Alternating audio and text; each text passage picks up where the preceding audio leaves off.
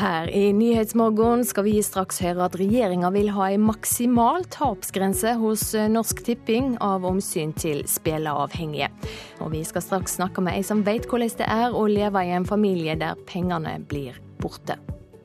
Som eneste reelle kandidat på republikansk side gjorde Donald Trump rent bord i to delstater i USA i natt. Økokrim sin sak mot Westerdals kan føre til at skolen ikke har penger til å betale de tidligere studentene det de har krav på, frykter en av advokatene deres. Faktisk bedre enn jeg trodde.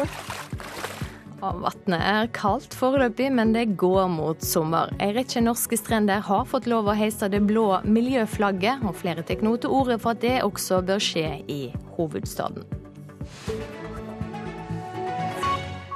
Riktig god morgen i studio i dag, Silje Sande. Regjeringa vil altså ha ei tapsgrense på 20 000 kroner i måneden for de som spiller hos Norsk Tipping. Tippeselskapet har fulgt med på flere tusen kunder som har spilt bort store penger. Kulturminister Linda Hofstad Helleland grunngjev innstramminga med omsynet til de spilleavhengige. For oss så er det hensynet til de spilleavhengige, eh, de pårørende og deres familier, som er tyngst i spillpolitikken. Tallet er 27. Dette betyr at de som spiller på oddsen, lotto, tipping og andre elektroniske spill hos Norsk Tipping, ikke skal kunne ha samlede spilleutgifter på mer enn 20 000 kroner per måned. For hver gang de vinner, blir gevinsten trukket fra forbruket på spillerkortet. Men for mange spiller for mye, sier kulturministeren. Eh, og for eh, mange så, så er det her eh, et veldig stort problem at man spiller seg fra hus og hjem. Det er mange menneskeskjebner og familier som blir ramma. Og ved å innføre en sånn tapsgrense, så har Norsk Tipping mulighet til å komme tidligere inn og følge dem opp og hjelpe dem til å bli kvitt sin spilleavhengighet. Vi ønsker oss den grensa, fordi vi ser at en liten andel av våre mange kunder spiller mer enn vi liker, og taper mer enn vi liker. Det sier Torbjørn Almlid, administrerende direktør i Norsk Tipping. De har overvåket en del storspillere over tid, og det viser seg at 2% av spillerne, 3000 nordmenn, har satset mer enn 20 000 kroner hver måned. Mange av dem taper store beløp. I tillegg til at det innføres en tapsgrense, har Norsk Tipping også startet opp en veiledningstjeneste, forteller Almlid. Så har vi begynt med eh, et opplegg hvor vi også kontakter eh, en del spillere som vi syns taper mer enn vi liker. Og Det viser seg at de aller fleste er veldig glad for at vi kontakter dem. For da blir de gjort oppmerksom på, på en nennsom, fin måte, eh, at de har et spillmønster som er risikabelt. For å kunne spille på spill fra Norsk Tipping er det obligatorisk med et spillerkort, som fungerer som et personlig identitetskort. Dette er bakgrunnen for at man i dag vet nokså mye om folks spillvaner, sier Linda Hofstad Helleland. Vi vet jo ganske mye om de spillavhengige etter hvert. Eh, og Norsk Tipping har et eh, godt system eh, for å følge dem som spiller for store verdier men er det ikke ganske drastisk å gå inn i privatøkonomien til folk og begrense deres aktivitet økonomisk? I spillpolitikken så er det viktigste for regjeringa hensynet til de spillavhengige. Reportere Kristine Næss Larsen og Bjørn Atle Gildestad. Med meg nå leder av Spillavhengighet Norge, Lill Tove Bergmo. Hvordan vil du skildre livet til en familie der en person er råka av spillemisbruk? Ja, jeg kunne jo ha sagt det en hel masse. Eh, det vi blir fortalt om, er jo det er store konflikter, det er store atferdsendringer hos den som spiller. En som kanskje vanligvis er blid og hyggelig, blir både utrivelig og aggressiv. Det fortelles om penger som blir borte, som skulle ha gått til mat og til regninger. Namsmann som er på døra. Det fortelles om vold og kriminalitet. Eh, og det er stor fortvilelse, og det er ofte veldig mye gjeld. Uh, ofte så er det jo den familien som står rundt, som oppdager at her er, her er, noe som ikke er rett. Og klart, Da får du en situasjon hvor familien rundt på en måte kommer i en sjokktilstand fordi at de får livet snudd opp ned, mens den som er spilleavhengig, ofte opplever det som en stor lettelse fordi at de ikke lenger trenger å lyge. Det er veldig sammensatt, og det er tøffe tak for de her familiene. Hva syns du da om ei tapsgrense på 20 000 kroner i måneden hos eh, Norsk Tipping? Altså, vi, vi har jo lenge jobba med å, å, få fram at det er viktig å ha en tapsgrense. 20 000 syns jo vi er veldig høyt. Eh, vi tenker jo at 10 000 burde vært uh, mer som nok. Uh, men også her er det veldig vanskelig spilleproblemer, og spill er veldig sammensatt. og uansett hvilke løsninger man kommer med, så vil det være både fordeler og ulemper. Og jeg tror uansett hva vi gjør, så vil vi aldri klare å tilfredsstille alle. Men vårt fokus er jo de berørte. Og for våre familier som er ramma, så er 20 000 kroner veldig mye. Det er jo det er mange som ikke har det i månedslønn engang. Kan det ikke da skje at det er de som eh, har et spillproblem, heller spiller på utenlandske spill, der det ikke finnes noen slik tapsgrense? Ja, og Her er jo den største utfordringa vi har i Norge. Fordi at myndighetene ikke har klart å gjøre grep om de utenlandske. Så får Norsk Tipping en umulig oppgave. De skal på en måte få tilbake de spillerne fra de utenlandske for å klare å få bukt på det her. Men vi er nødt til å gjøre grep om de utenlandske. Og så lenge vi ikke gjør det, så vil det være veldig vanskelig å, å få det her til på en god måte. Um, ja. Hva tiltak ser du for deg da? Nei, for det første så må man jo gjøre alt man kan for å få stoppa all den markedsføringa. Altså, det er fortsatt et stort, stort, spørsmål at vi har lov å markedsføre alkohol, altså ikke lov å markedsføre alkohol og røyk, men spillreklame er det overalt hvor enn du går. Uh, ulovlige aktører bør utestenges øyeblikkelig. Og man må også ha fokus på å få mer hjelp og hjelpetiltak for dem som rammes, og enda større fokus på forebyggende arbeid. Takk skal du ha for at du var med, Lille Tove Bergmo, leder av eh, Spillavhengighet Norge.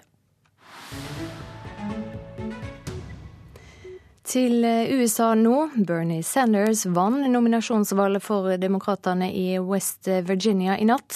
På republikansk side ble Donald Trump ikke uventa vinneren i to stater, West Virginia og Nebraska. Tonight it appears that we've won a big big victory in West Virginia. I natt kunne Bernie Sanders juble over å ha slått Hillary Clinton i nominasjonsvalget i West Virginia. Resultatene viser at Sanders får om lag 50% av stemmene, medan Clinton får 40% Dermed har Sanders vunnet i 20 delstater, medan Clinton har vunnet i 23. Hun er likevel mye nærere i å sikre seg det magiske tallet på 2383 delegater hun trenger for å bli demokratene sin presidentkandidat. For tross sigeren til Sanders i natt, kan Clinton tape alle statene som gjenstår, og fremdeles bli nominert, så lenge støttespillerne i partiet, kjente som superdelegater, holder fram med å støtte henne. Sanders har likevel ikke gitt seg, og vil kjempe videre. Til stor jubel poengterte han at West Virginia har ei stor arbeiderklasse som har grunn til å være misnøyde med skattesystemet i USA. Men trass i at Clinton og Sanders er usamde om mye, er de helt samstemde på ett punkt å slå ut Donald Trump. Clinton, Donald is one area we agree, and that is we must defeat Donald Trump. And I am very happy to tell you we will defeat Donald Trump. Reporter her, det var Marte Halsør. Så er det tid for å kikke på dagens avisframsider. IS sender minst ni terrorister til Europa i flyktningkaoset, forteller Aftenposten. De sto bak angrepene som drap 162 mennesker i Paris og Brussel. Dagbladet skriver om operasjoner som gikk gale. Alle var for å fjerne mandlene, og pasientene ble operert av samme lege. En fireåring døde, sju fikk alvorlige blødninger, og tre ligger fremdeles på sykehus. Helsetilsynet og politiet undersøker saka. Kommuner snyter trossamfunn for rundt 30 millioner kroner, skriver Vårt Land. En ny kartlegging syner at tros- og livssynssamfunn mister pengestøtte fordi norske kommuner ikke kan reglene for utbetaling.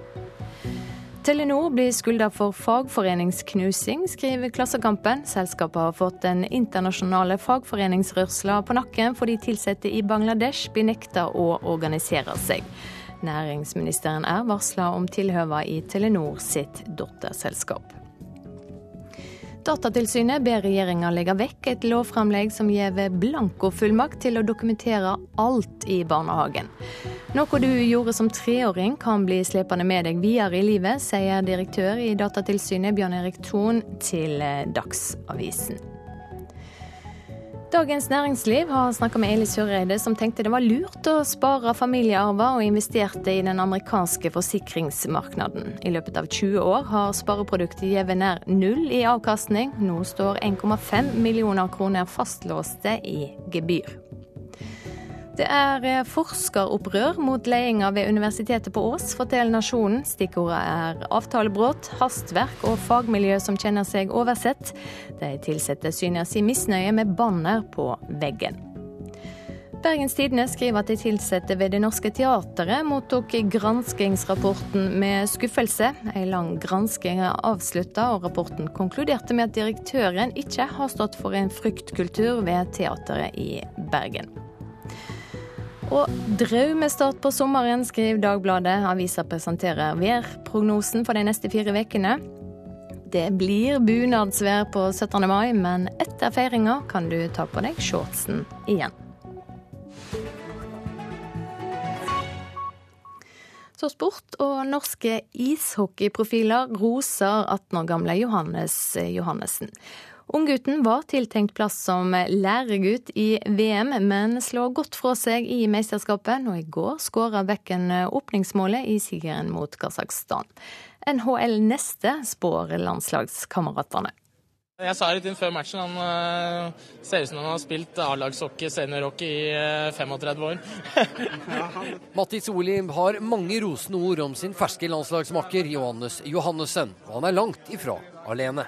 Ja, han er god. Han spiller utrolig bra til å være første VM, og moro at han får skåre det første målet i dag også. Nei, Han uh, syns han gjør en uh, fryktelig bra match. Jeg synes Han bare blir, blir bedre og bedre for, for, hver kamp han spiller. og Setter en fortjent i dag, så han bare fortsetter. Han får nyte det og prate litt mer på fellesrommet i dag, tror jeg. Sier NHL-proffene Mats Zuccarello og Andreas Martinsen, som ifølge Olim snart kan forvente seg selskap av Johannessen i Nord-Amerika. Han kan jo gå hele veien til NHL. Han har eh, bra størrelse og er sånn eh, passe kaxy ute på isen der. Han tør å holde i pucken og tør å gjøre noe med, med pucken ute der.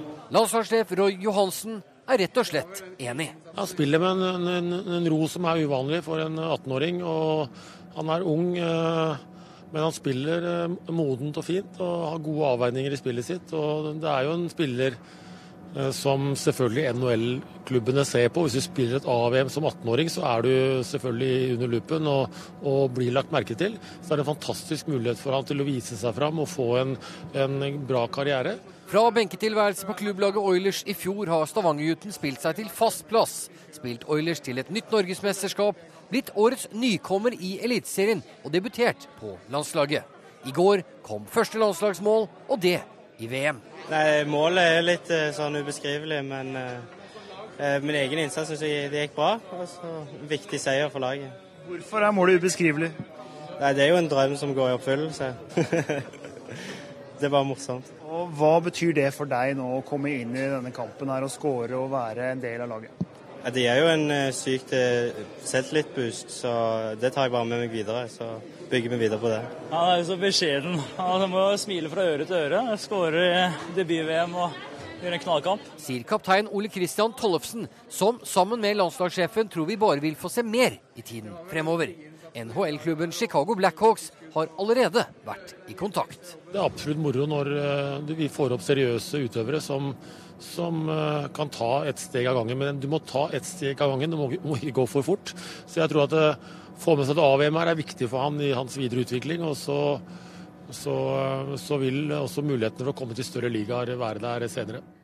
Reporter Thomas Lerdal. Klokka er 6.47. Dette er hovedsaker nå. Regjeringa vil ha ei maksimal tapsgrense hos Norsk Tipping av omsyn til spilleavhengige. Bernie Sanders vant delstatsvalget i USA i natt. Sanders mener han er den eneste som kan hamle opp med Donald Trump. Og hvert år får 2000 nordmenn føflekkreft. Kreftforeninga ber alle om å sjekke føflekkene sine i dag.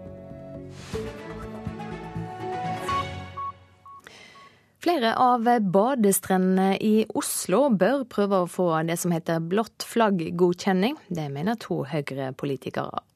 Blått flagg er en internasjonal garanti for at strendene bl.a. har rent vann og god trygghet. Faktisk bedre enn jeg trodde. Selv om det er nokså tidlig i mai, våger Høyre-politikeren Ståle Hagen seg ut i vannet på Vervenbukta. Stranda han mener er så bra at den, sammen med tre andre strender i Oslo, bør få en blått flagg-sertifisering. Ja, Hvis du ser her borte, så ser vi et helt nytt uh, toalettanlegg uh, med både vann hvor man kan skylle føtter og, og, dusjer. Man har fått ny strand her nede med ny sand, og man har også rett her borte en rullestolrampe så man kan uh, som er universelt utformet, selvfølgelig, sånn at også rullestolbrukere kan ha glede av denne stranda. Alt i alt så er dette blitt en veldig bra strand, og det å få blått flaggsertifisering her og noen andre strender i Oslo vil gjøre at man har beviset på det, at det her er alt sånn som det bør være. Sammen med partikollega Mathilde Tybring-Gjedde har Ståle Hagen fremmet et privat forslag i bystyret om at byråden bør søke en slik godkjenning. Og i Bymiljøetaten er de helt enige. Allerede i sommer skal vannkvaliteten måles etter EU-standard, og målet er blått flagg neste sommer. Men bare for to av Oslo-strendene foreløpig, sier fagansvarlig for badevannskvaliteten, Hans Christian Daviknes. På Huk og Værundbukta kommer vi også til å ta, i tillegg til de vanlige tarmbakteriene som vi analyserer for, så analyserer vi også nå for noe som heter intestinale entrekokker. Og hva i all verden er det? ja, Det er jo en, en, type, en, type, bakterier det også, som også er tilknytta tarmer. Men eh, de, de, de, lever på en litt annen måte. Så vi kommer til å trappe opp og ta opp mot 20 prøver per strand. Og så satser vi på at de er like gode som de andre prøvene. Men er Oslo-strendene gode nok, da? Jeg tror det. Men eh, vi får jo se da etter prøvetakingen. Men eh, jeg har trua. I Asker var fire strender godkjent i fjor. I Bærum én. Men det er altså ikke bare bare å heise et blått flagg på stranda. Søkerne blir først vurdert av en nasjonal jury, så en internasjonal. Likevel tror blått flagg-koordinator i Norge, Marit Kjellesvik, at Oslo kan ligge godt an. Nei, jeg tror at det er gode muligheter for det. De har holdt på og planlagt og jobba en stund, og vet hva som kreves, og har et godt apparat og gode både rutiner og systemer å, eh, som allerede er på plass, for, for, som dekker mange av de kravene som vi har. Eh, spesielt med tanke på badevannsrutiner og badevannskvalitet, som de i veldig mange år har gode rutiner for å, for, ja, for å oppfylle tilbake i Vervenbukta, der det de siste årene har dukket opp både nytt garderobeanlegg og serveringssteder. Likevel tror Ståle Hagen at et blått flagg vil være viktig. Ja, jeg tror det spiller en rolle, fordi da har du beviset for at eh, alle deler av kvalitet og miljø eh, og service og sikkerhet er ivaretatt. Eh, veldig mange turister de bruker også blått flagg som eh, et bilde på at de vet at her er det trygt å være. Det er ikke sikkert at de kjenner eh, Vervebukta, Lingerstrand eller Huk eller Sognsvann fra før. Men badevannstemperaturen den påvirkes ikke? Nei, og jeg er veldig glad for at det ikke er noen kriterier på det. fordi at da vil vel kanskje ikke strendene i Norge eller Oslo kommet gjennom. Selv om det er jo veldig behagelig på sommeren da, når det er 20 og over det i vannet. Det sa Ståle Hagen fra Høyre til reporter Trine Bråten. Og 4. juni blir det kjent hva for strender og småbåthavner som er kvalifiserte til å heise det blå flagget denne sommeren. Konserthusene i Stavanger og Kristiansand venter seg klare signal fra finansminister Siv Jensen om at hun vil rydde opp i momssaka. I dag legger hun fram revidert nasjonalbudsjett. De to kulturbyggene må betale tilbake til sammen 550 millioner kroner som er gitt i momskompensasjon, og de har klaga til Skattedirektoratet. Nei, Jeg forventer jo at det blir tatt politiske grep her. Men jeg tror jo det er en prosess som kommer til å ta noe tid. Vi forventer at eh, det som kommer er av mer generell karakter sier administrerende direktør i Stavanger konserthus Per Harald Nilsson om forventningene til en mulig løsning på momsfloken i revidert nasjonalbudsjett som legges fram i dag. Det betyr veldig mye for oss. Det betyr mye for finansiering av selve bygget her, men det betyr også veldig mye i driften. Hun klatrer opp i treets topp, for knærne fulle av sår! I Kilden teater- og konserthus i Kristiansand vises musikalen The Sound of Music denne våren. Slike forestillinger er økonomisk aktivitet som er i konkurranse med andre, mener skatteetaten, og krever tilbakebetalt til sammen 550 millioner kroner, som er gitt i momskompensasjon til Stavanger og Kristiansand. Så her er vi i en situasjon at uh skattemyndighetene bruker regelverket på en helt annen måte enn det Stortinget forutså. og Da er det viktig at man går inn og rydder opp. Administrerende direktør i Kilden, Hans Antonsen, forventer at finansministeren kommer med klare signaler i dag om å løse den kostbare floken. Da må vi bare vente på å lese det regjeringa kommer med. Men å rydde opp betyr to ting. Eh, at eh, Stavanger og Kristiansand eh, må slippe å betale de kravene som er på oss, og at alle andre kulturhus og teater- og konserthus i Norge slipper å være engstelige for at de skal måtte betale i årene framover. Så er det sånn at EØS-avtalen er dynamisk, og kulturhussakene illustrerer nødvendigheten av at vi gjennomgår det norske regelverket og måten det praktiseres på. I februar sa finansminister Siv Jensen i Stortingets spørretime at regjeringen går gjennom regelverket for å se om det er behov for endringer. Problemene har oppstått etter en lovendring fra 2008 som begrenser retten til momskompensasjon, og det er uttalelsene hennes da som har skapt forventningene til dagen i dag. Jeg ønsker også å foreta en bredere gjennomgang av kompensasjonsordningen som en del av revidert budsjett for 2016. For skatteetatens tolkninger har fått konsekvenser også for andre kommunale tjenester, som sosiale boliger. Og dette kan øke sjansen for at regjeringen nå ser at det må ryddes opp, mener ordfører i Stavanger Kristine Sagen Helgø. Det er jo åpenbart at uh, dette er viktig for Stavanger, uh, men det er også viktig for mange andre byer i Norge. Vi kan jo ikke ha det sånn i fremtiden at vi har krav på krav på krav som skal løses mellom uh, kulturinstitusjonene og skatteetaten. Dette må det bli slutt på nå. Og Finansdepartementet vil ikke kommentere saker før revidert nasjonalbudsjett blir lagt fram i formiddag. Reporter Anette Johansen Espeland. Og revidert nasjonalbudsjett er tema for Politisk kvarter når klokka blir kvart på åtte. Økokrim sier sak mot Westerdals kan føre til at skolen ikke har penger til å betale de tidligere studentene det de har krav på. Det sier en av advokatene som representerer elevene i saka mot den tidligere skolen deres. Slik vi ser det, vil siktelsen til Økokrim kunne påvirke elevenes sak mot skolen. Det sier advokat Harald Strømstad i advokatfirmaet Dela Piper. Han representerer en del av studentene i saken mot deres tidligere skole, Westerdals. I går tok Økokrim ut siktelse i saken. Nå sier advokaten at de er usikre på hvor mange penger som er igjen etter at Økokrim har fått sitt.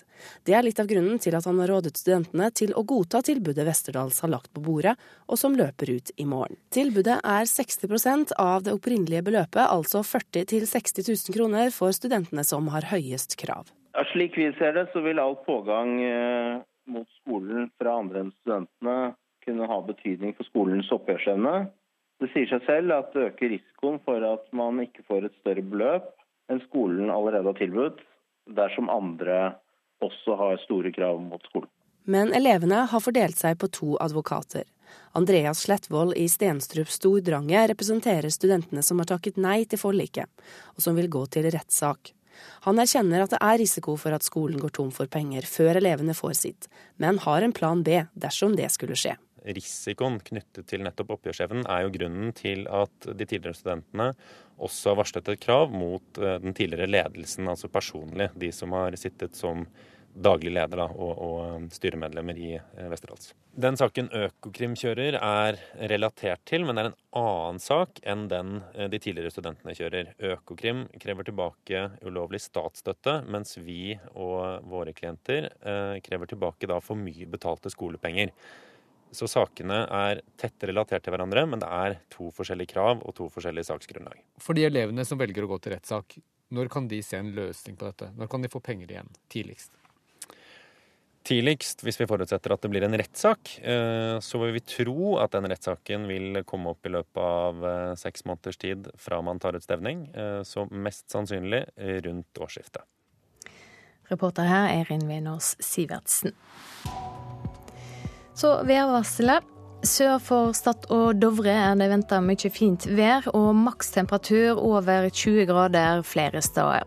Det er fremdeles stor gras- og lyngbrannfare i bare området inntil det kommer mer nedbør.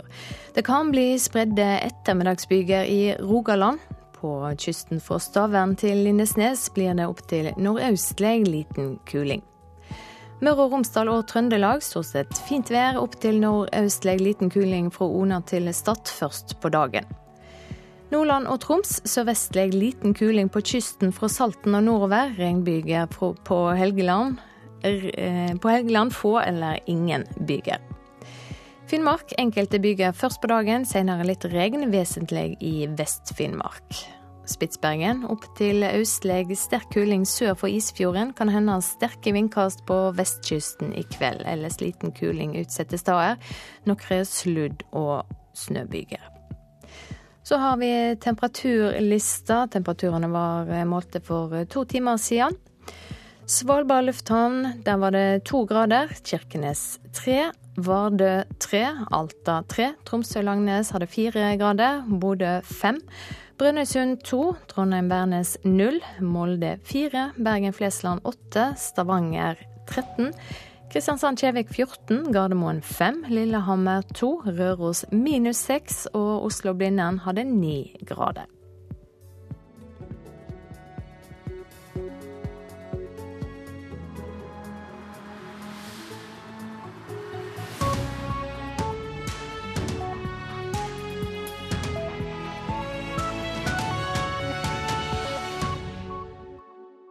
Spillerom i dag. Han lagde nesten ingen låter i løpet av sitt 49-årige liv, og kunne lett blitt oversett og glemt. Hadde det ikke vært for ei vise som gjør at navnet Jøsta Kullenberg holdes i hevd blant viseelskere. Spillerom i dag klokken 11 på NRK P2. Norsk Tipping innfører tapsgrense. Ingen får lov til å spille bort mer enn 20 000 kroner i måneden. Og LO og NHO vil ha stor satsing mot arbeidsløshet i revidert nasjonalbudsjett i dag. Her er NRK Dagsnytt klokka sju ved Tone Nordahl. Fra høsten av innfører regjeringen en tapsgrense på 20 000 kroner i måneden for de som spiller hos Norsk Tipping. Vedtaket om en maksgrense kommer etter at flere tusen mennesker har, at har vært oppdaget at de spiller bort store penger. Kulturminister Linda Hofstad Helleland sier innstrammingen er et tiltak for å hjelpe spilleavhengige. Vi vet jo ganske mye om de spilleavhengige etter hvert. Og Norsk Tipping har et godt system for å følge dem som spiller for store verdier hver måned, og som får alvorlige problemer med privatøkonomien, men også som rammer veldig mange andre. Det er mange menneskeskjebner og familier som blir berørt av det, og det er det vi ønsker å bidra til å, å hjelpe med. Både LO og NHO har store forventninger til regjeringens tiltak mot arbeidsløshet når revidert nasjonalbudsjett legges frem i dag. I april hadde Nav registrert 85 500 helt arbeidsledige. Det er særlig oljeindustrien som er rammet.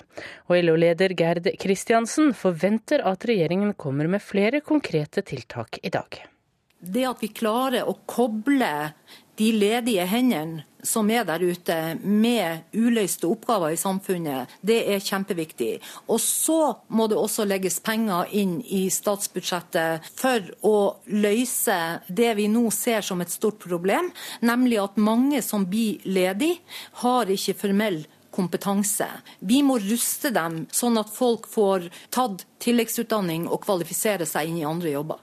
Ja, Det sa LO-leder Gerd Kristiansen. I USA vant Bernie Sanders demokratenes nominasjonsvalg i West Virginia i natt. Sanders har nå vunnet 20 delstater, mens Hillary Clinton har 23.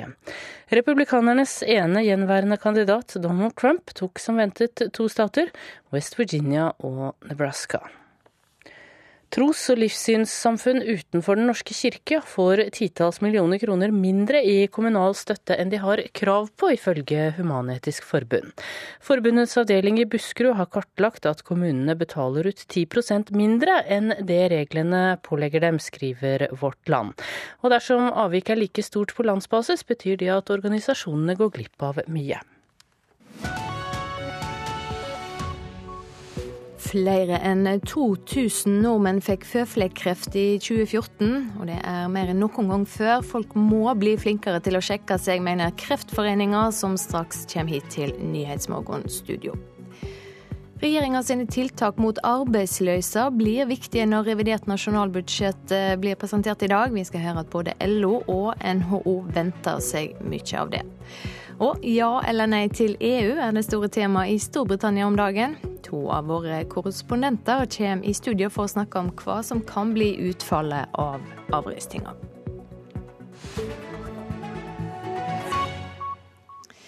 Ja, flere enn 2000 nordmenn fikk altså føflekkreft i 2014. Det syner tall fra Kreftregisteret. Og det er mer enn noen gang før her i landet. I dag oppfordrer Kreftforeninga og flere av hudlegene i landet nordmenn til å ta en ekstra kikk på føflekkene sine. En enkel sjekk kan være nok til å redde liv.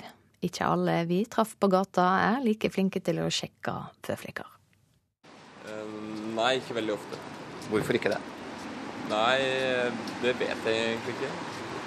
Latskap, kanskje.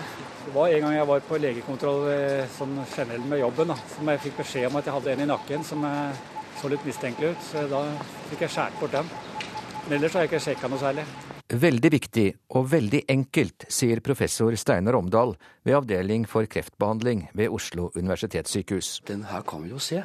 Vi kan se den i en tidligere fase, og da kan den fanges opp hvis folk er oppmerksomme på forandringer i eh, føflekker. Ta kontakt med legen din hvis du har en føflekk som vokser eller endrer form og farge, spesielt hvis den blir svart. Det er heller ikke bra hvis den klør eller blør, eller hvis den danner sår som ikke vil gro. Litt over 2000 nordmenn fikk påvist føflekkreft i 2014. 322 døde. Vi er på en dyster verdenstopp, og i Kreftregisteret er de naturlig nok bekymret for utviklingen. Nordmenn er altfor glad i sola, sier forsker Trude Eid Ropsam. Vi liker å sole oss, og vi liker å sole oss fort. Og det er den største risikofaktoren for å få eh, føflekkreft. Det er solbrenthet og at vi er masse i sola. Jeg tror det er veldig viktig å tenke at den solingsatferden man har gjennom hele livet spiller en rolle. Sånn at man alltid er påpasselig og flink og unngår å bli solbrent. For tredje gang arrangerer i dag Kreftforeningen og Norske hudleger Hudsjekkdagen. Hudleger over hele landet har satt av dagen for å sjekke føflekkene til folk som på forhånd har bestilt time, denne gang helt uten henvisning fra sin fastlege. I fjor og forfjor sjekket nærmere 3000 nordmenn føflekkene sine hos hudleger på Hudsjekkdagen. Det ble oppdaget 19 tilfeller av føflekkreft. Det er ikke for ingenting at vi i starten av denne saken spurte menn om de er nøye med å sjekke føflekkene sine. Menn, og spesielt menn over 50, er nemlig lite flinke til å sjekke seg. Så vi spurte én mann til. Sjekker du ofte føflekkene dine? Jeg gjør det, men jeg gjør det for så vidt selv. For jeg er, jeg er, er lege. Sånn at jeg er veldig obs på det og sjekker min familie. Det gjør jeg. Reporter Hans-Jørgen Solli. Velkommen i studio, generalsekretær Annelise Riel i Kreftforeninga. Tusen takk. Flere nordmenn enn noen gang får føflekkreft, men det trenger ikke å være slik? Nei, det gjør ikke det. Altså, det er jo forferdelig at vi ligger på verdenstoppen når det gjelder både omfanget av denne kreftformen, men også av dødeligheten. Det er jo trist i seg sjøl, men det som er bra, er jo at det faktisk ikke er nødvendig at det er sånn. Det er mulig å unngå omtrent 90% av de tilfellene. Og det er to ting. Det ene er ikke å få kreften i det hele tatt. Altså hvordan du kan forebygge det. Og det andre er tidlig oppdagelse. sånn at er det først at du har eh, en føflekk som endrer seg, at du tidlig får skjønne det, oppdage det og får oppsøkt lege. I dag er den store hudsjekkdagen. Hvorfor en egen dag til det? Det er nettopp eh, fordi at dette er en kreftform som man kan gjøre noe med, altså at man kan unngå å få, og at eh, folk er for lite oppmerksom på det. Så det er ikke bare i Norge, men det er faktisk 30 land i Europa som har en sånn eh, dag. Så i dag er det veldig mange som får sjekka føflekkene sine hos hudlege, og det er jo fantastisk fint.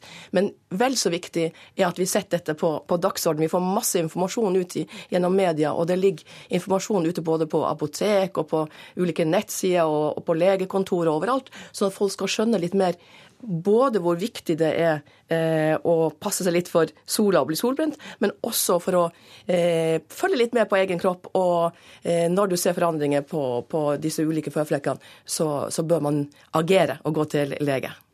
vi hører her at menn, eh, godt voksne menn, mm. Eh, kanskje er de som er minst flinke til å sjekke seg. Hvordan er det med de yngre? Ja, altså de yngre eh, er generelt flinkere. De er flinkere også til å, å verne seg mot eh, å bli solbrent og, og sånne ting. Eh, men altså, det er et eller annet med oss nordmenn. Vi, vi kan også vite dette med føflekker, men vi, vi, sjekker ikke så nøye. Og i hvert fall så har vi en terskel for å gjøre noe med det. Og det, det, er særlig der vi må være mer både flinkere, men så må vi være flinkere til å passe på hverandre. Ofte så har du flekker som er på ryggen, i nakke, kanskje for litt eldre menn midt oppe på et skalla hode. Og det oppdager du ikke sjøl.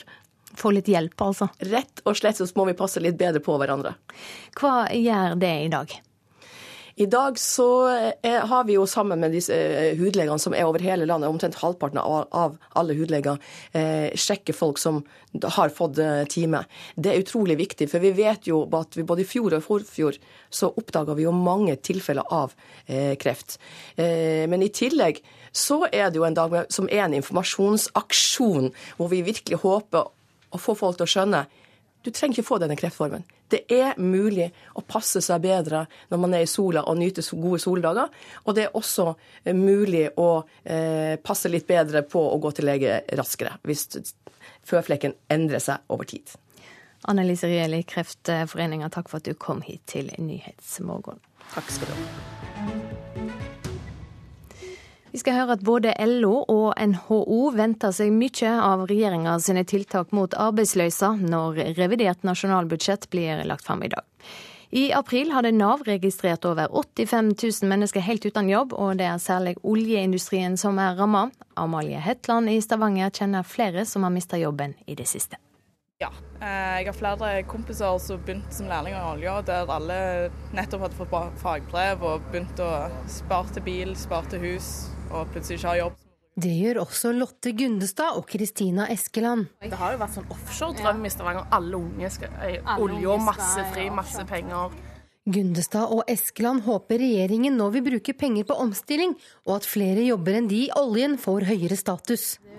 De må jo finne en løsning som er på en måte bra for den som har mista jobben. og at de på en måte kan komme seg fort ut i ny jobb, selv om det kanskje ikke er den utdannelsen de har, men at de får en mulighet til å, å ha noe å gå til hver dag. Da. Det ønsker også LO-leder Gerd Kristiansen. Hun forventer at regjeringen kommer med kraftige arbeidsmarkedstiltak i dag. Det at vi klarer å koble de ledige hendene som er der ute med uløste oppgaver i samfunnet, det er kjempeviktig. Og så må det også legges penger inn i statsbudsjettet for å løse det vi nå ser som et stort problem, nemlig at mange som blir ledig, har ikke formell kompetanse. Vi må ruste dem, sånn at folk får tatt tilleggsutdanning og kvalifisere seg inn i andre jobber. Ordfører for Arbeiderpartiet i Haugesund, Arne Christian Moen, har over 10% ledighet blant unge menn. Han er redd de ikke får penger til de tiltakene han mener de trenger. Fordi Da vil vi ut ifra prognosene få en økende arbeidsledighet videre. Og vi har allerede over 10% av denne unge gruppen som jeg nevnte. NHO-leder Kristin Skogen Lund forventer at regjeringen i dag kommer med tiltak som vil virke umiddelbart i de områdene som er hardest rammet, på Sør- og Vestlandet. Og Det kan jo f.eks. være igangsetting av offentlige prosjekter som skaper arbeidsplasser. Og så tror jeg også at vi må, som vi har anbefalt før, se på lønnstilskudd for å sikre integrering og inkludering i arbeidslivet av de som har stått ute i lengre tid. NHO-lederen mener også det er viktig med tiltak rettet mot de unge. Ja, det Vi ser er at det er altfor mange unge som faller ut av både arbeid og utdanning. Eh, og den, Det beste vi kan gjøre for dem, er å få dem inn i arbeidslivet, slik at de får en anledning til å lære og mestre. Og Der kommer dette med lønnstilskudd inn. Vi tror det kan være en fin måte å senke terskelen for bedriftene til å ta inn denne kategorien arbeidskraft. Reportasjen var laga av Torunn Grymer, Kjersti Hetland og Johan Sette. Med meg nå politisk kommentator i NRK, Lars Nehru Sand. Vi hører at LO og NHO ønsker seg penger til tilleggsutdanning for arbeidsledige og lønnstilskudd for virksomheter som gir folk en sjanse i arbeidslivet. Vil dette være noe av det finansministeren leverer i revidert nasjonalbudsjett klokka 11 i dag? Dette er ikke hva skal vi si, hovedgrepene regjeringen tar nå. Dette har vært et krav fra, fra flere, og det ligger penger inne eh, i budsjettet allerede til å bruke til denne type tiltak i år. Men det er viktigere for regjeringen å målrette eh, innsatsen mot arbeidsledighet geografisk eh, enn å eh, imøtekomme disse kravene spesielt. Hvor viktig er eh, dette området for regjeringa? Regjeringen skjønner jo veldig godt at man kan tape valget hvis arbeidsledighetssituasjonen kommer ut av kontroll, og hvis man ikke lykkes å, å eh, stabilisere dette og aller helst få ned eh, ledigheten. Eh, så er det veldig vanskelig å, å vite hvordan man treffer dette godt nok. Både fordi det er usikkerhet i økonomien knytta til oljepris og, og, andre ting, men også fordi det er store regionale forskjeller, og det er ikke nødvendigvis én medisin som vil hjelpe like godt over hele linja. Regjeringa legger også fram ei integreringsmelding. Noe har vært ute, men hva er venta her? Det handler jo om hvilke plikter og rettigheter de som uh, uansett skal uh, bosettes i Norge, uh, skal ha. Så her blir det ikke noen nye runder med debatten om hvor mange som skal komme til landet, men hvordan vi behandler nær sagt, og møter de som skal være her det er på det rene at regjeringen vil stille mer krav. Det tror jeg mange partier eh, av ulik farge vil være klare for. Jeg tror ikke det blir like store runder rundt eh, de politiske tiltakene her. Eh, og det at man vil gjøre mer individuelle tilpasninger. Men det vil bli en stor debatt om hvor mye penger som følger med, og om kommunene får nok til å ta og dekke inn sine økte utgifter forbundet med dette. Hvordan er det venta at eh, regjeringa vil ta omsyn til samarbeidspartnerne Venstre og KrF i det de legger fram i dag? Jeg tror det er to sentrale diskusjoner i eh, de forhandlingene som der vil komme. Det ene handler om eh, hvor mye oljepenger, eller mer oljepenger, eh, de fire partiene vil bruke. Der sier Venstre nei til å bruke mer oljepenger. KrF er åpen for det, og, jeg tror også regjeringen vil foreslå det i, i, i, dag, å bruke mer oljepenger, fordi man mener det er rom i økonomien for det nå. Så har det kommet store krav fra Kristelig Folkeparti på, på kraftig innsats, som da koster penger. Eh, så både hvor mye oljepenger som vil bli brukt, eh, og også eh, hvilke tiltak man skal prioritere, tror jeg kommer til å være sentralt i de, de forhandlingene. Er det andre tema det er knytta spenning til i revidert budsjett? Nei, Det er jo kampen mot ledighet som vil bli det helt sentrale, og det regjeringen vil, vil bli målt på. Men det er klart, en del av de tiltakene som vil komme, eh, handler jo også om samferdselssektoren. Og der er det jo alltid knytta store forventninger på rundt hvert eneste veistrekk i Norge om, om eh, akkurat deres veier blir eh, flytta frem i tid eller får vedlikeholdsmidler. Politisk kommentator her i NRK, Lars Nehru Sand. Klokka er 7.16. Dette er hovedsaker nå. Norsk Tipping innfører tapsgrense. Ingen skal få lov å tape mer enn 20 000 kroner i måneden. Beløpet kunne godt ha vært lågere, mener Spillavhengighet Norge. Flere enn 2000 nordmenn fikk føflekkreft i 2014. Det er flere enn noen gang før. Folk må bli flinkere til å sjekke seg, mener Kreftforeninga. Og både LO og NHO venter seg mye av regjeringa sine tiltak mot arbeidsløse når revidert nasjonalbudsjett blir lagt fram senere i dag.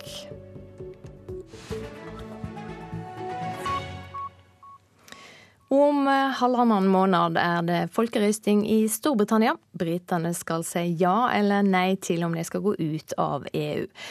London-korrespondent Espen Aas, du er hjemme. Hva sier de siste meningsmålingene om dette?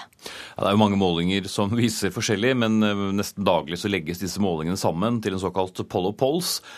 Og de viser at dette står bom fast. Eh, det er omtrent 40% som eh, mener Storbritannia bør gå ut, og det er omtrent 40% som mener at de bør bli. Og så er det da en stor andel som ikke har bestemt seg, som kommer til å bli veldig, veldig viktig, og som både denne Remain, forbli-kampanjen og denne Forlat EU-kampanjen kommer til å kjempe hardt om.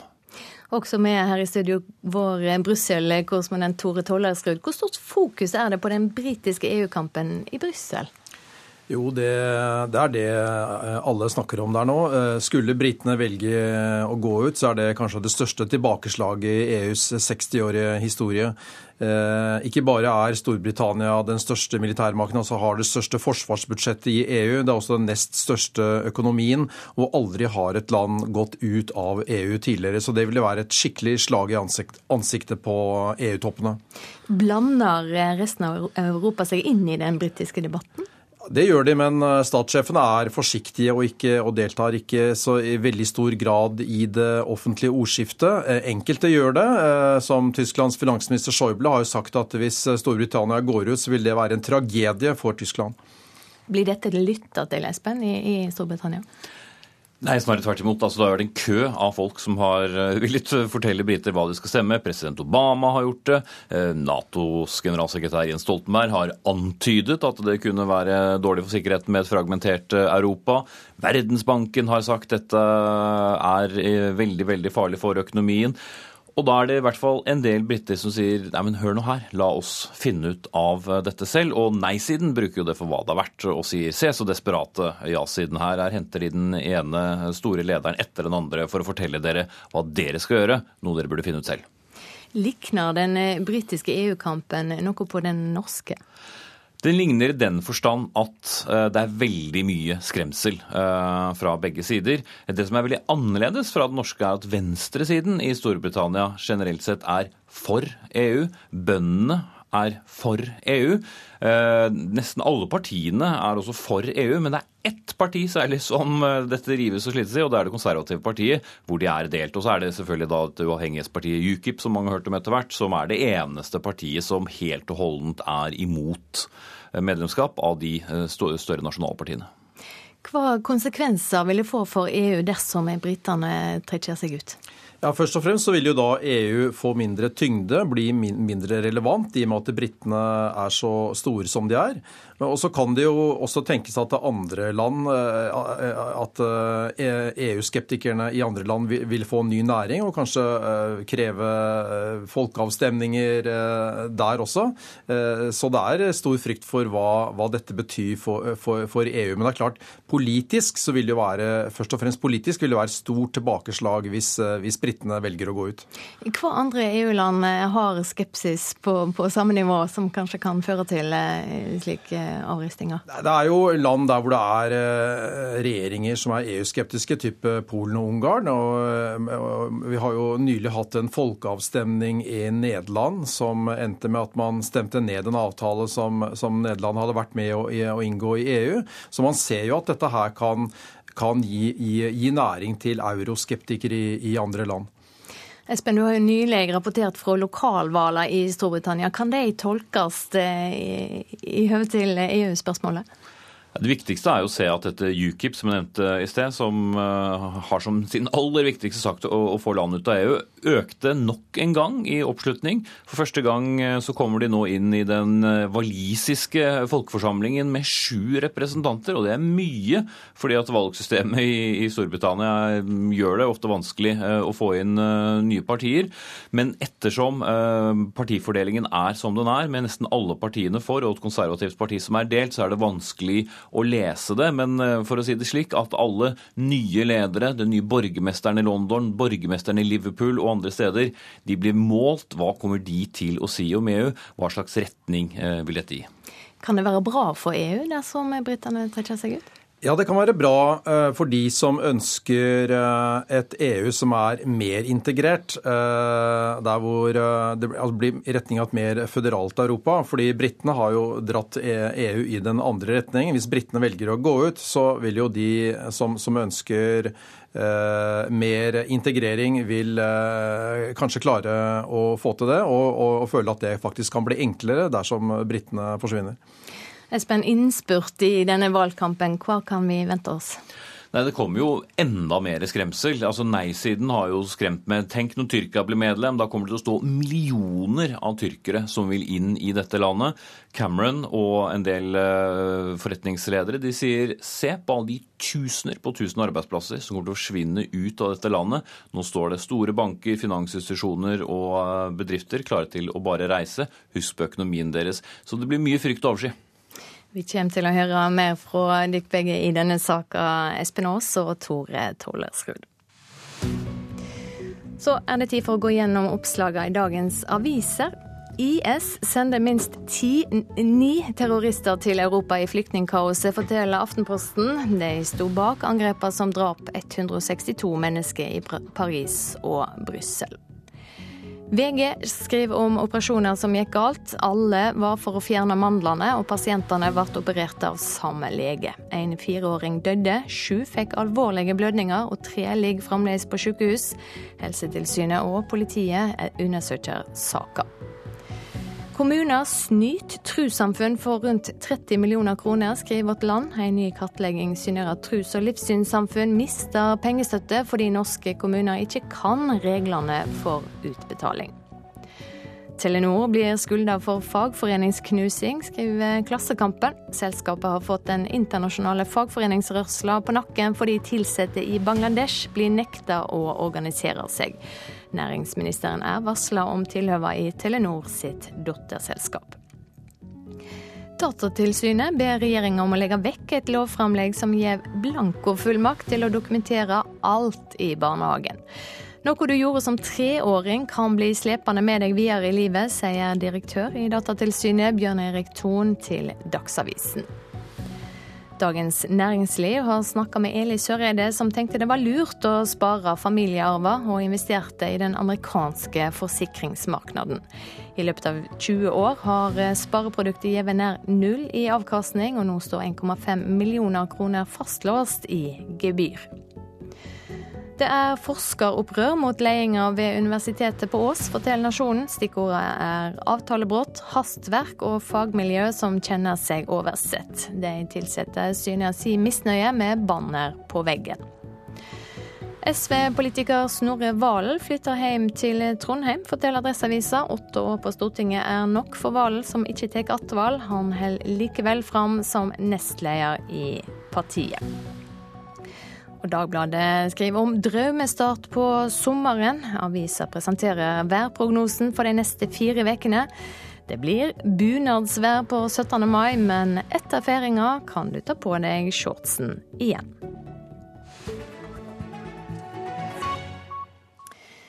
Ikke alle russebussprosjekt ender med svimlende høye utlegg og tap for deltakerne. I Hamar har 16 russejenter finansiert hele bussen med kreative dugnader. Når de selger bussen videre for over 300 000 kroner, har jentene sikra seg stor gevinst som de tar med seg til studietida. Her er bussen 49ers Gold Rush 2016. Stig på! Miriam Drag Eiring viser stolt frem sin gullbelagte russebuss, som hun deler med 15 andre jenter. Russebussen er nemlig et resultat av ekte dugnadsjobbing. Her har vi takplater og hattehylleplater. De er eh, laget med eh, sirkelsag, noe jeg har blitt veldig god på det siste halvåret. Her har du setetrekkene våre. De er laget under ledelse av en kunstnermamma. Kjempeflink. Så det har kosta oss 6000 i stedet for 80 000. Her har vi nydelig gulltapet som vi har satt opp selv. Og så har vi dette elektriske systemet bak som det har vært pappaer som har hjulpet til med å, å lage. Alle pengene til bussen kommer fra dugnader, og Julie Jensen Liheim innrømmer at det har blitt noen rare oppdrag. Vi har hengt opp og ned julepynt i julen. Vi har delt ut popkorn og sukkerspinn. Så har vi vært i byen hvor vi har vært kyllinger i påsken og hengt opp og ned ballonger. Og så har vi Birken hvor vi har vært heiagjeng og med flagg og lagd god stemning i skiløpene. Jentene har nå lagt ut bussen for salg på Finn til 350 000 kroner, og har fått flere henvendelser. Dermed vil jentene sitte igjen med ca. 20 000 kroner hver når de selger den videre. Regiondirektør i NHO Innlandet, Åge Skinstad, er svært imponert over hvordan jentene har stått på og gjennomført prosjektet. Det syns jeg vel er helt uh, utrolig og udelt positivt. Det at de da har sett på dette som et prosjekt, hvor de har satt opp uh, ulike planer, klart å fullføre planer, klart å ordne finansiering. De har klart å jobbe i team. Og nettopp det å samarbeide med andre som har kompetanse og kunnskap, det er jo det som kanskje også gir best resultater i næringslivet. Så dette er viktige punkter å få inn på CV-en for disse jentene. Også høyskolelektor ved BI, Tor Haugnes, er meget positiv. Han har ofte erfart at studentene hans har hatt god lærdom av russebussprosjektene. Det har jeg absolutt. De som har vært med på og hatt ansvar for russebussprosjekter, også de som har vært mislykket, de har lært masse om seg selv og medstudentene sine. Og også dette med, med bedriftsmessige forhold knyttet til kontrakter og ansvar og gjennomføring av ulike oppgaver. Miriam Drag Eiring råder nå andre elever på videregående skole til å tenke som dem, og sørge for at russebussen ikke blir et pengesluk, men gir økonomisk fortjeneste og sparing. Man kan jo se det som en sparekonto, på en måte. Altså selv om det ikke er fra egen lomme, så er det jo penger som, som vi har jobbet for i denne bussen her. Eh, så veldig greit å få de nå eh, før sommerferien og, og før vi skal begynne å studere. Ja, Det sa til slutt eh, russ Miriam Drag Eiring. Reporter i saka var Knut Øyvind Hagen. I reportasjen etter Dagsnytt om drygt ti minutter skal vi til Latin-Amerika, der Bolivia og Chile har krangla i 135 år om hvor grensa egentlig går. Finansminister Siv Jensen er på plass i Politisk kvarter kvart på åtte for å snakke om revidert nasjonalbudsjett. Produsent for Nyhetsmorgen i dag er Arild Svalbjørg. Her i studio Silje Sande.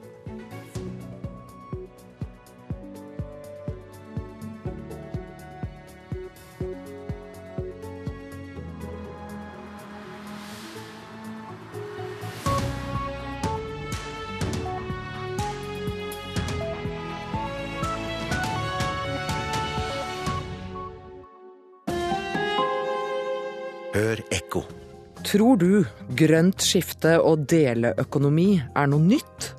I seks landsbyer i Norge er bærekraft både en idé og praksis gjennom 50 år. Hvem er de som bor i disse landsbyene, og hvordan gjør de det? Ekko 9 11 i NRK P2.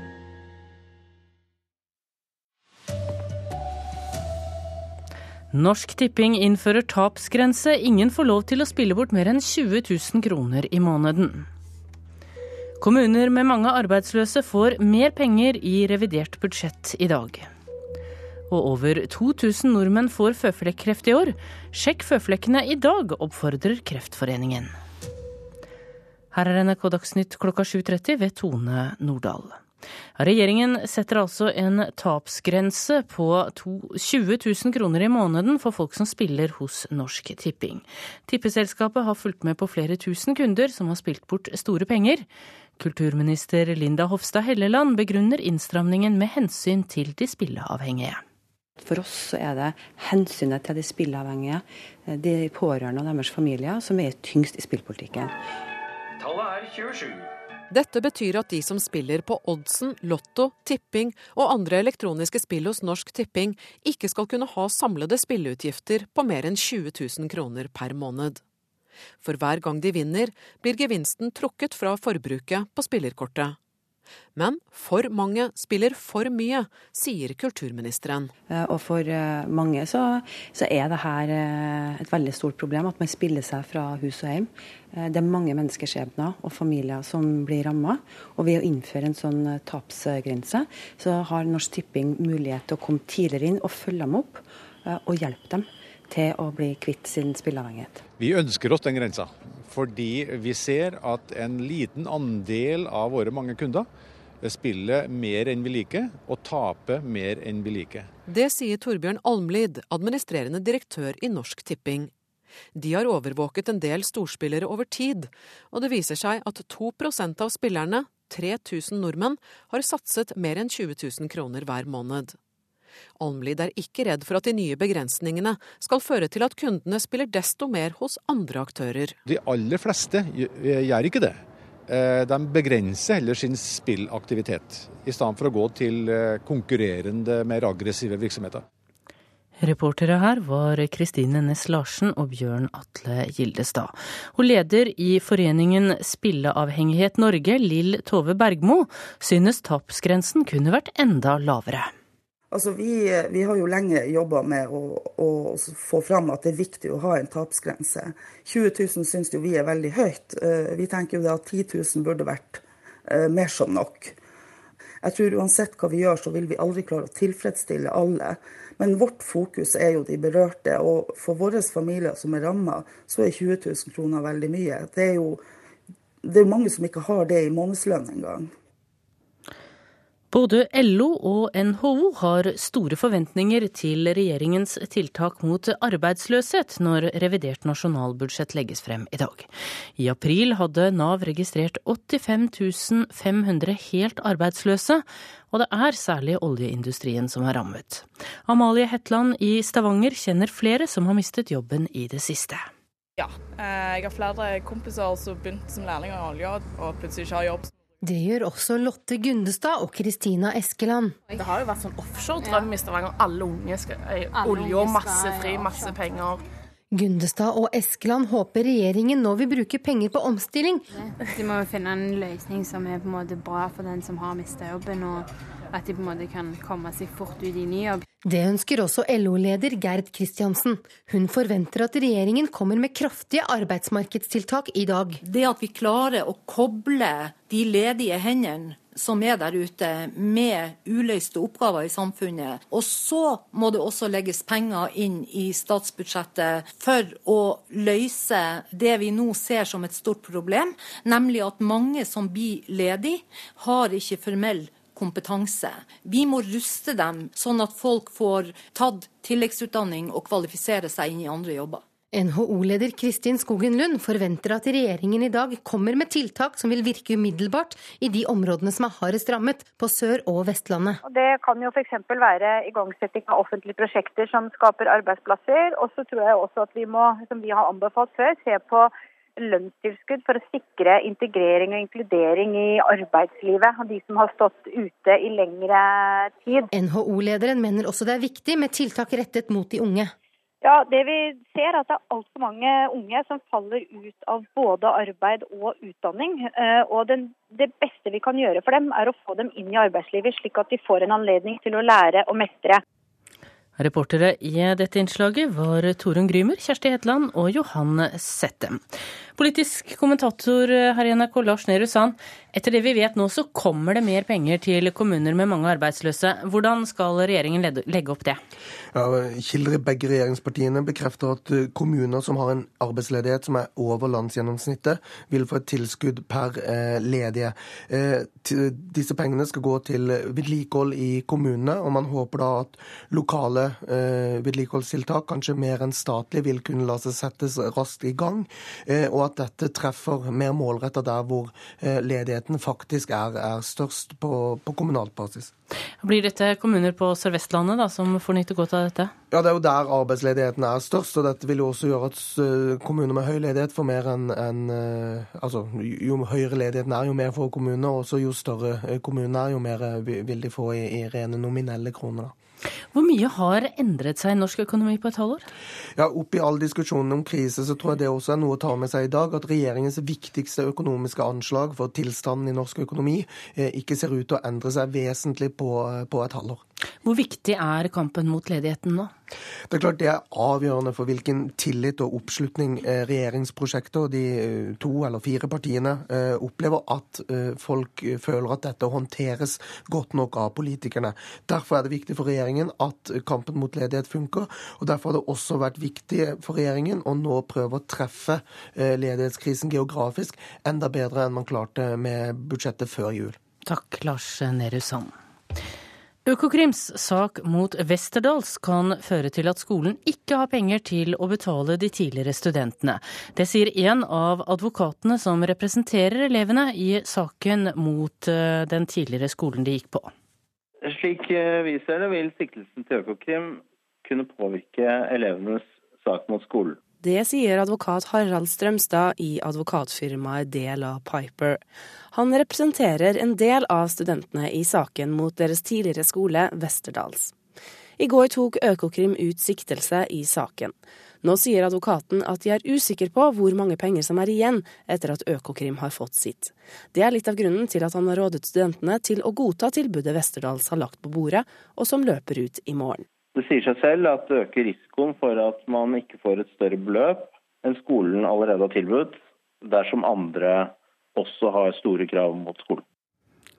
Reporter Arin Venås Sivertsen.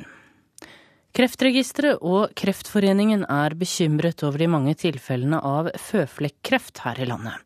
Over 2000 nordmenn fikk føflekkreft i 2014, og denne kreftformen er den som øker mest.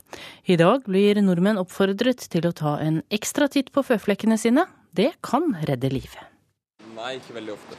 Hvorfor ikke det? Latskap, kanskje? Det var en gang jeg var på legekontroll eh, sånn generelt med jobben, da, som jeg fikk beskjed om at jeg hadde en i nakken som eh, så litt mistenkelig ut. Så da fikk jeg skåret bort den. Men ellers har jeg ikke sjekka noe særlig. Det er kanskje på tide å sjekke seg igjen. Det er veldig viktig, sier Kreftforeningens generalsekretær Anne Lise Ryl. Oppdages en hudkreft, en føflekkreft, tidlig, så er prognosene kjempegode. Da blir man frisk. Går man lenge så at det blir spredning, da er dessverre dødeligheten relativt høy. Flere enn 2000 nordmenn får nå påvist føflekkreft hvert år, og flere enn 200 dør av sykdommen. For å overleve gjelder det altså å oppdage kreften i tide. Gå til legen hvis du oppdager føflekker som forandrer form og farve, eller føflekker som klør og blør. Vi liker å sole oss, og vi liker å sole oss fort. Det sier forsker Trude Eid Ropsam i Kreftregisteret. Det er den største risikofaktoren for å få eh, føflekkreft. Det er solbrenthet og at vi er masse i sola. I dag, på hudsjekkdagen, oppsøker mange pasienter hudleger over hele landet for å få sjekket mistenkelige føflekker. Til sammen 19 tilfeller av føflekkreft ble oppdaget hos hudleger på denne dagen i fjor og i forfjor. Vi er bekymra for den sterke økninga, og særlig de siste årene. Og vi er særlig bekymra for at vi har en økende dødelighet av den sykdommen her i Norge. Reporter her var Hans Jørgen Solli. I USA vant Bernie Sanders demokratenes nominasjonsvalg i West Virginia i natt. Sanders har nå vunnet 20 delstater, mens Hillary Clinton har 23. Republikanernes eneste gjenværende kandidat, Donald Trump, tok som ventet to stater. Ansvarlig for Dagsnytt var Sven Gullvåg.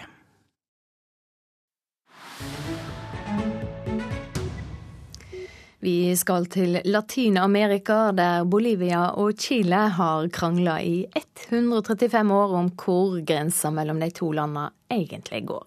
Det vil si, det er det kystløse Bolivia som skylder Chile for å ha okkupert landets stillehavskyst, og nå er de i gang igjen. Esta base militar primero es ilegal en base, si tomamos en cuenta los convenios internacionales. Bolivias president Evo Morales anklager nabolandet for å mane til krig på land denne gangen. Men konflikten har alltid sitt utgangspunkt i det som skjedde på kysten i 1879. Og i den forstand har Evo Morales et poeng. For Bolivia hadde en kystlinje på ca. 400 km og hadde tilgang til Stillehavet. Hadde hatt det siden republikken ble selvstendig i 1825.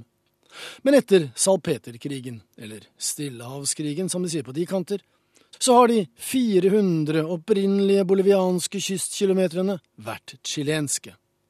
Det var sårt den gang, og er fremdeles sårt for Bolivia. Solo se puede instalar bases militares a 50 kilómetros la frontera de entre países. A 15 kilómetros, ¿qué pretende? Bolivias president mener denne militære utposten er ulovlig og uforklarlig, unødvendig og aggressiv. Hva skal de med den, spør Evo Morales.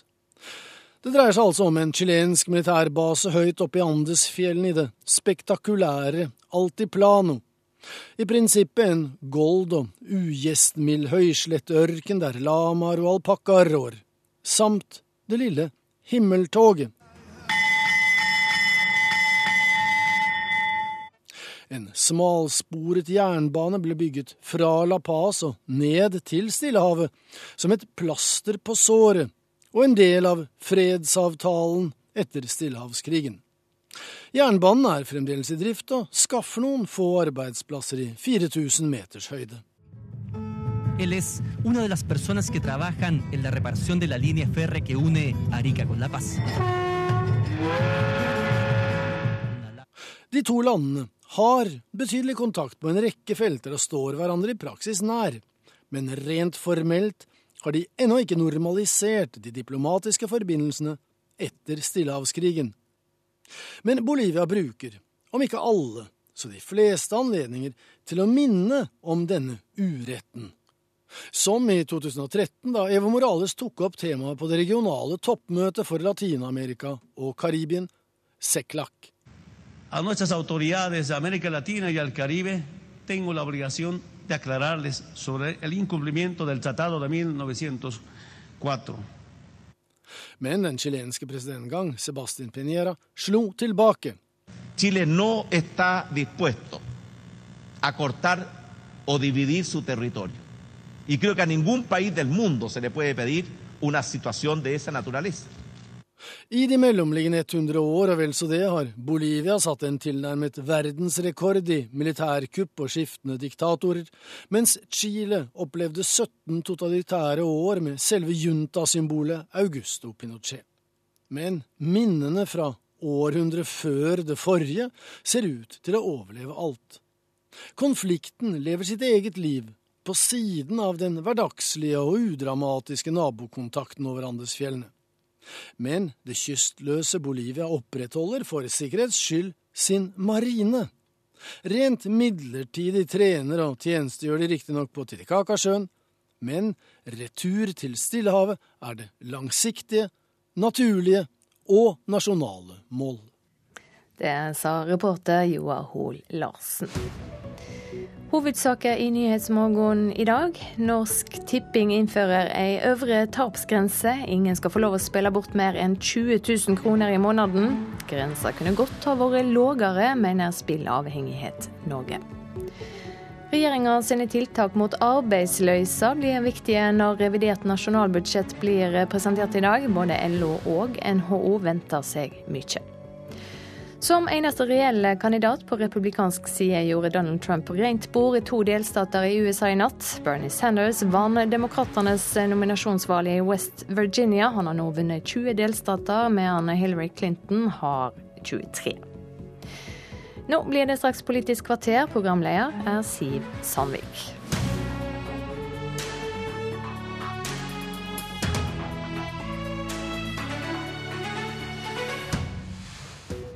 Krisestemninga sprer seg på Sør-Vestlandet.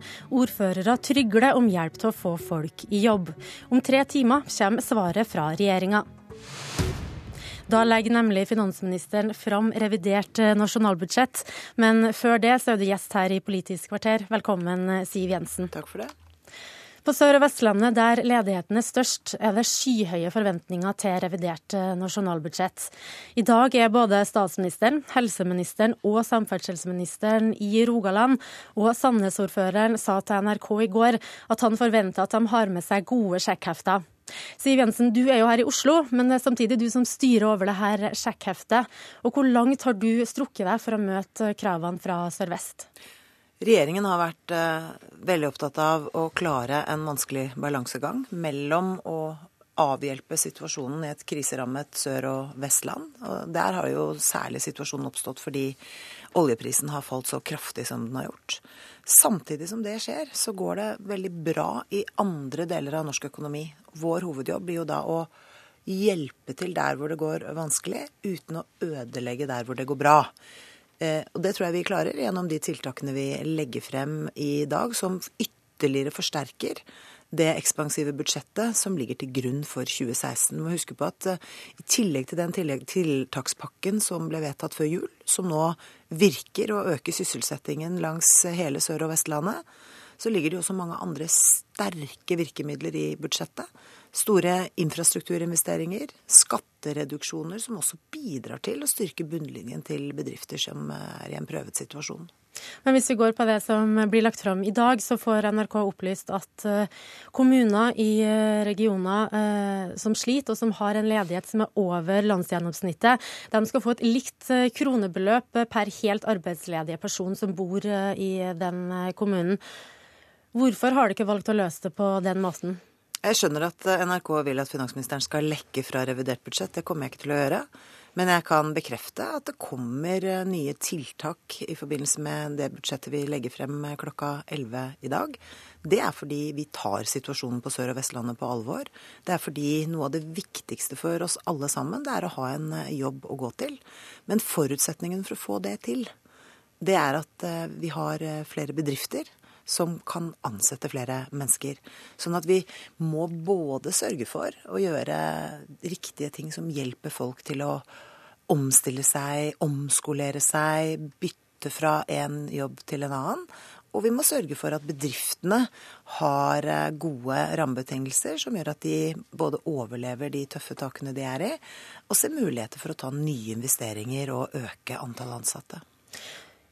Men på Dagsrevyen i går så hørte vi at flere ordførere i Agder og i Rogaland de ber om statlige penger for å starte med det de kaller spadeklare prosjekter for å få folk raskt ut i jobb. Jeg skjønner at du ikke kan gå i detaljer, men kan du si noen ting om du er enig med den type tankegang? Er det rett vei nå? Det var jo noe av det regjeringen gjorde da vi la frem tiltakspakken i høst det var jo å fremskynde eh, vedlikeholdsprosjekter og investeringer som var gryteklare, hvis jeg kan bruke det ordet. Altså som raskt kunne settes i gang.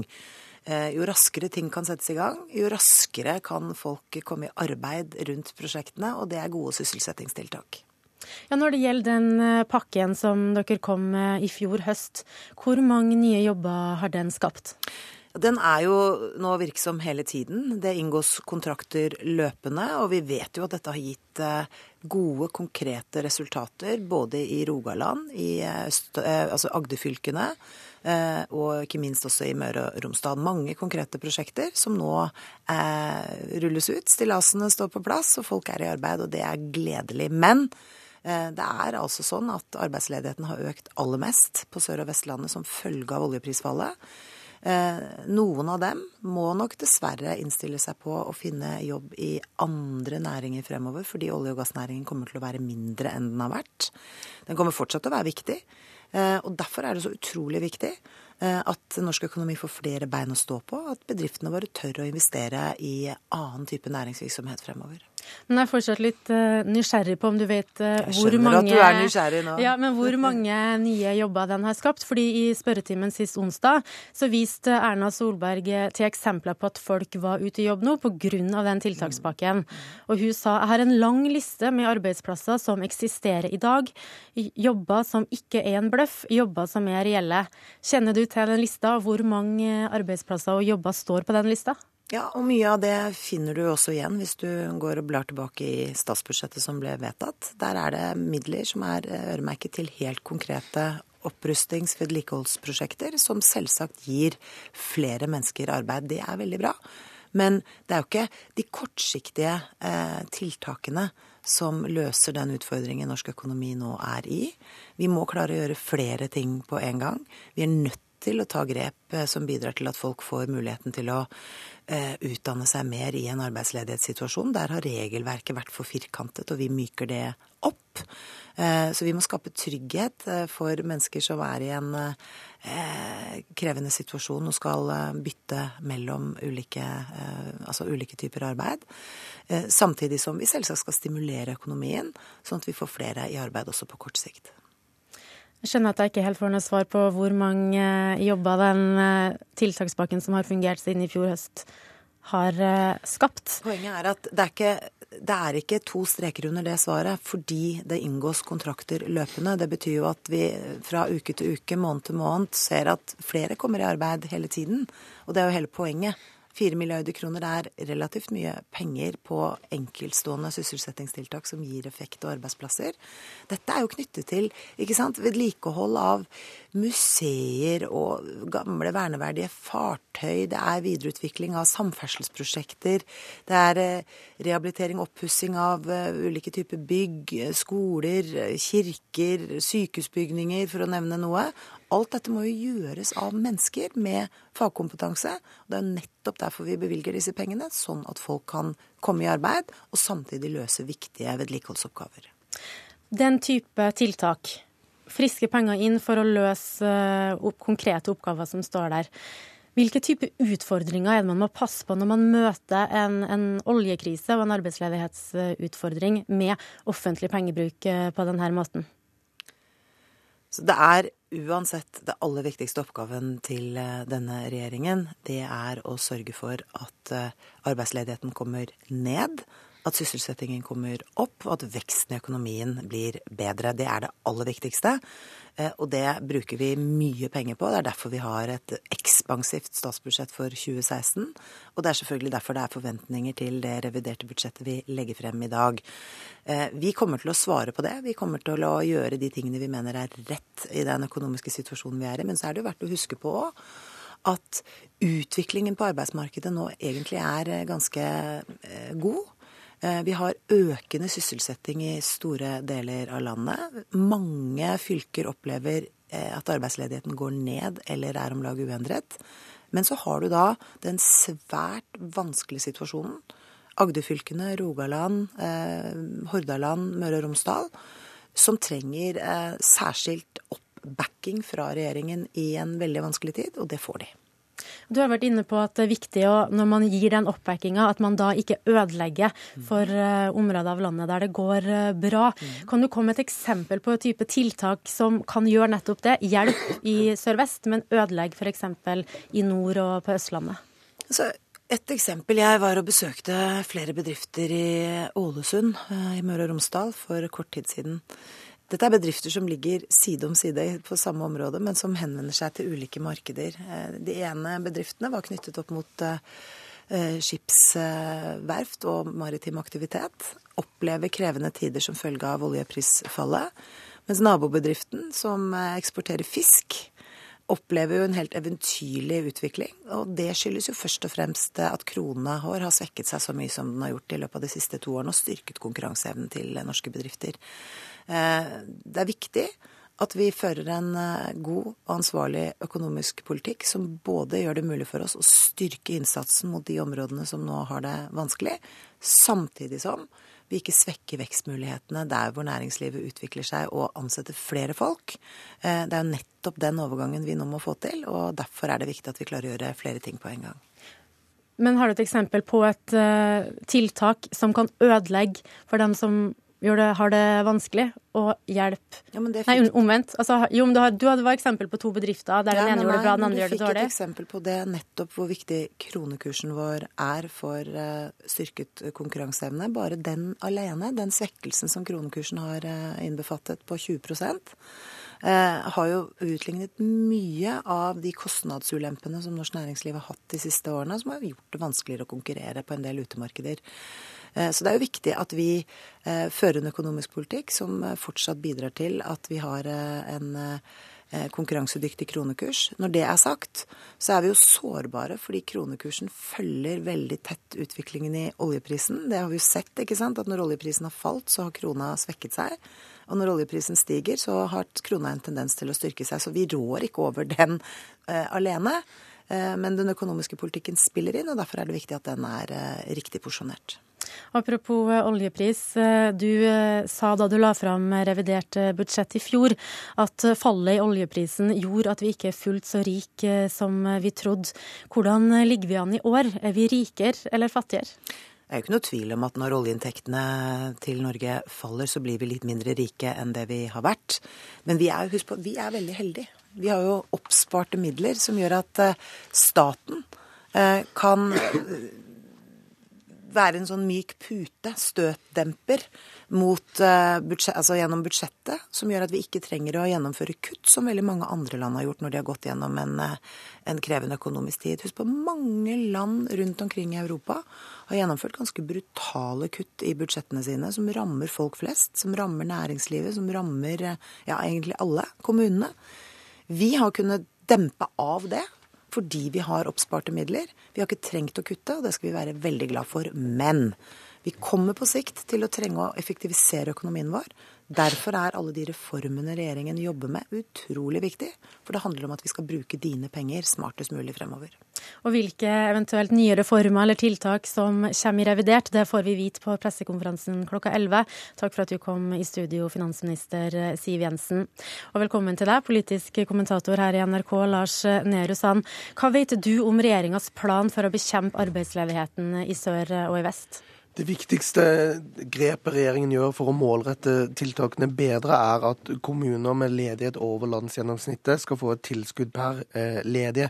Og Håpet er da at kommunale tiltak, eh, eller kommunale vedlikeholdsprosjekt, eh, skal være noe mindre størrelse, og dermed være litt lettere å snu seg rundt og faktisk få satt i gang, så man er sikret raskere effekt enn kanskje større statlige prosjekter. Men det er klart det kommer også en fremskynding av det. Det er venta nytt fengsel på, på Sørlandet. det er eh, stor satsing på helsebygg og, og samferdselstiltak, ikke minst, eh, som, som, er større prosjekt eh, som da vil komme i gang raskere enn de ellers ville gjort.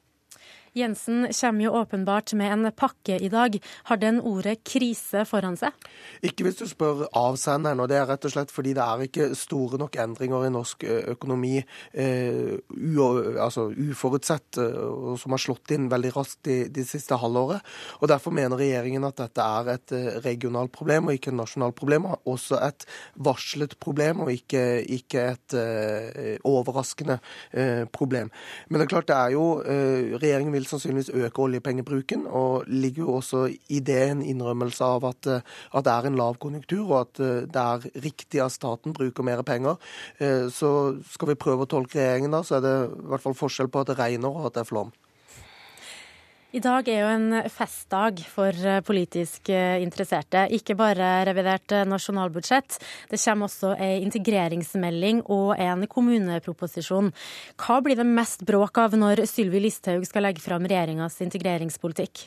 Jeg tror Listhaug vil få bredere tilslutning til integreringspolitikken sin enn til innvandringspolitikken sin. Og hun eh, vil jo legge opp til en mye mer individuell løp for, eh, for de som skal få opphold, og hvordan de skal integreres. Jeg tror jeg eh, hovedlinjene der vil få flertall.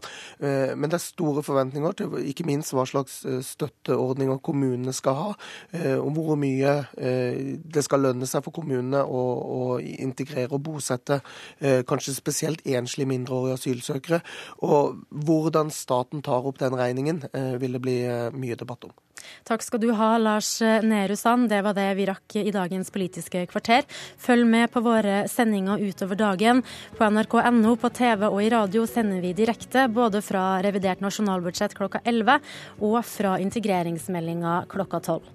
Hør oss igjen i morgen. Mitt navn er Siv Sandvik.